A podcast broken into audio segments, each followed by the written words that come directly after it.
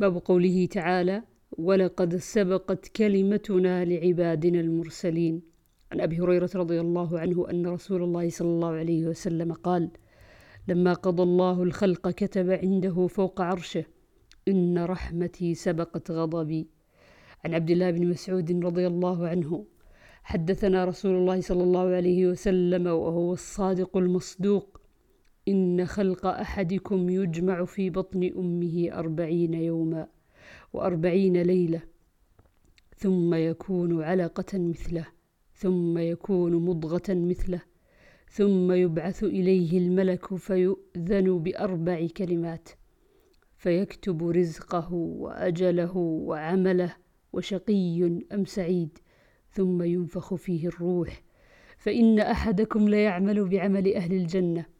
حتى لا يكون بينها وبينه إلا ذراع فيسبق عليه الكتاب فيعمل بعمل أهل النار فيدخل النار.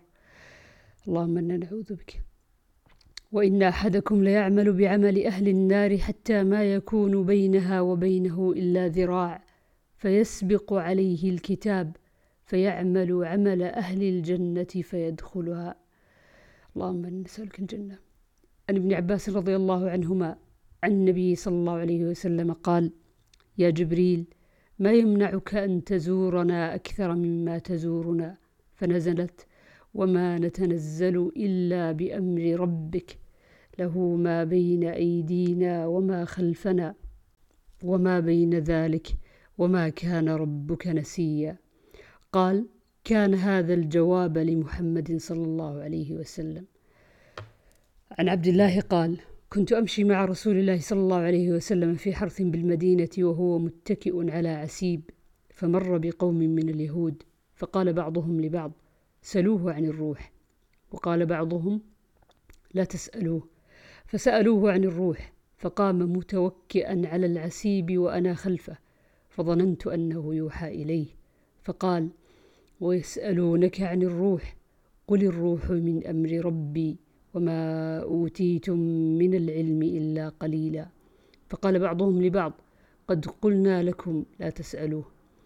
عن أبي هريرة أن رسول الله صلى الله عليه وسلم قال تكفل الله لمن جاهد في سبيله لا يخرجه إلا الجهاد في سبيله وتصديق كلماته بأن يدخله الجنة أو يرجعه إلى مسكنه الذي خرج منه مع ما نال من أجر أو غنيمة.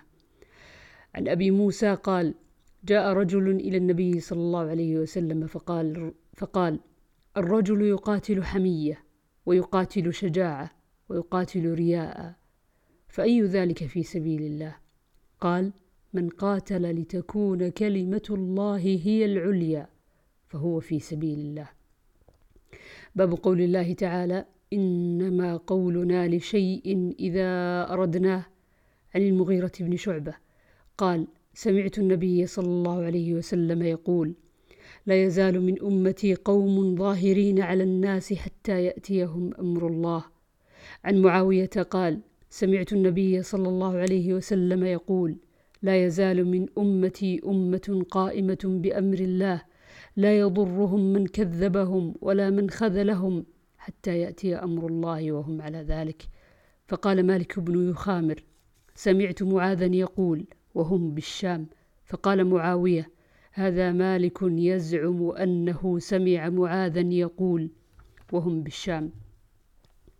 عن ابن عباس قال وقف النبي صلى الله عليه وسلم على مسيلمة في أصحابه فقال لو سألتني هذه القطعة ما أعطيتكها ولن تعدو أمر الله فيك ولئن أدبرت ليعقرنك الله. عن ابن مسعود قال بينا أنا أمشي مع النبي صلى الله عليه وسلم في بعض حرث المدينة وهو يتوكأ على عسيب معه فمررنا على نفر من اليهود. فقال بعضهم لبعض سلوه عن الروح. وقال بعضهم لا تسألوه أن يجيء فيه بشيء تكرهونه. فقال, فقال بعضهم لنسألنه. فقام إليه رجل منهم فقال يا أبا القاسم ما الروح؟ فسكت عنه النبي صلى الله عليه وسلم فعلمت أنه يوحى إليه فقال ويسألونك عن الروح قل الروح من أمر ربي وما أوتيتم من العلم إلا قليلا. قال الأعمش هكذا في قراءتنا. باب قول الله تعالى قل لو كان البحر مدادا لكلمات ربي لنفد البحر قبل أن تنفد كلمات ربي ولو جئنا بمثله مددا. وقوله ولو أن ما في الأرض من شجرة أقلام والبحر يمده من بعده سبعة أبحر ما نفدت كلمات الله. وقوله إن ربكم الله الذي خلق السماوات والأرض في ستة أيام ثم استوى على العرش يغشي الليل النهار. سخر ذلل. عن أبي هريرة أن رسول الله صلى الله عليه وسلم قال تكفل الله لمن جاهد في سبيله لا يخرجه من بيته إلا الجهاد في سبيله وتصديق كلمته أن يدخله الجنة أو يرده إلى مسكنه بما نال من أجر أو غنيمة.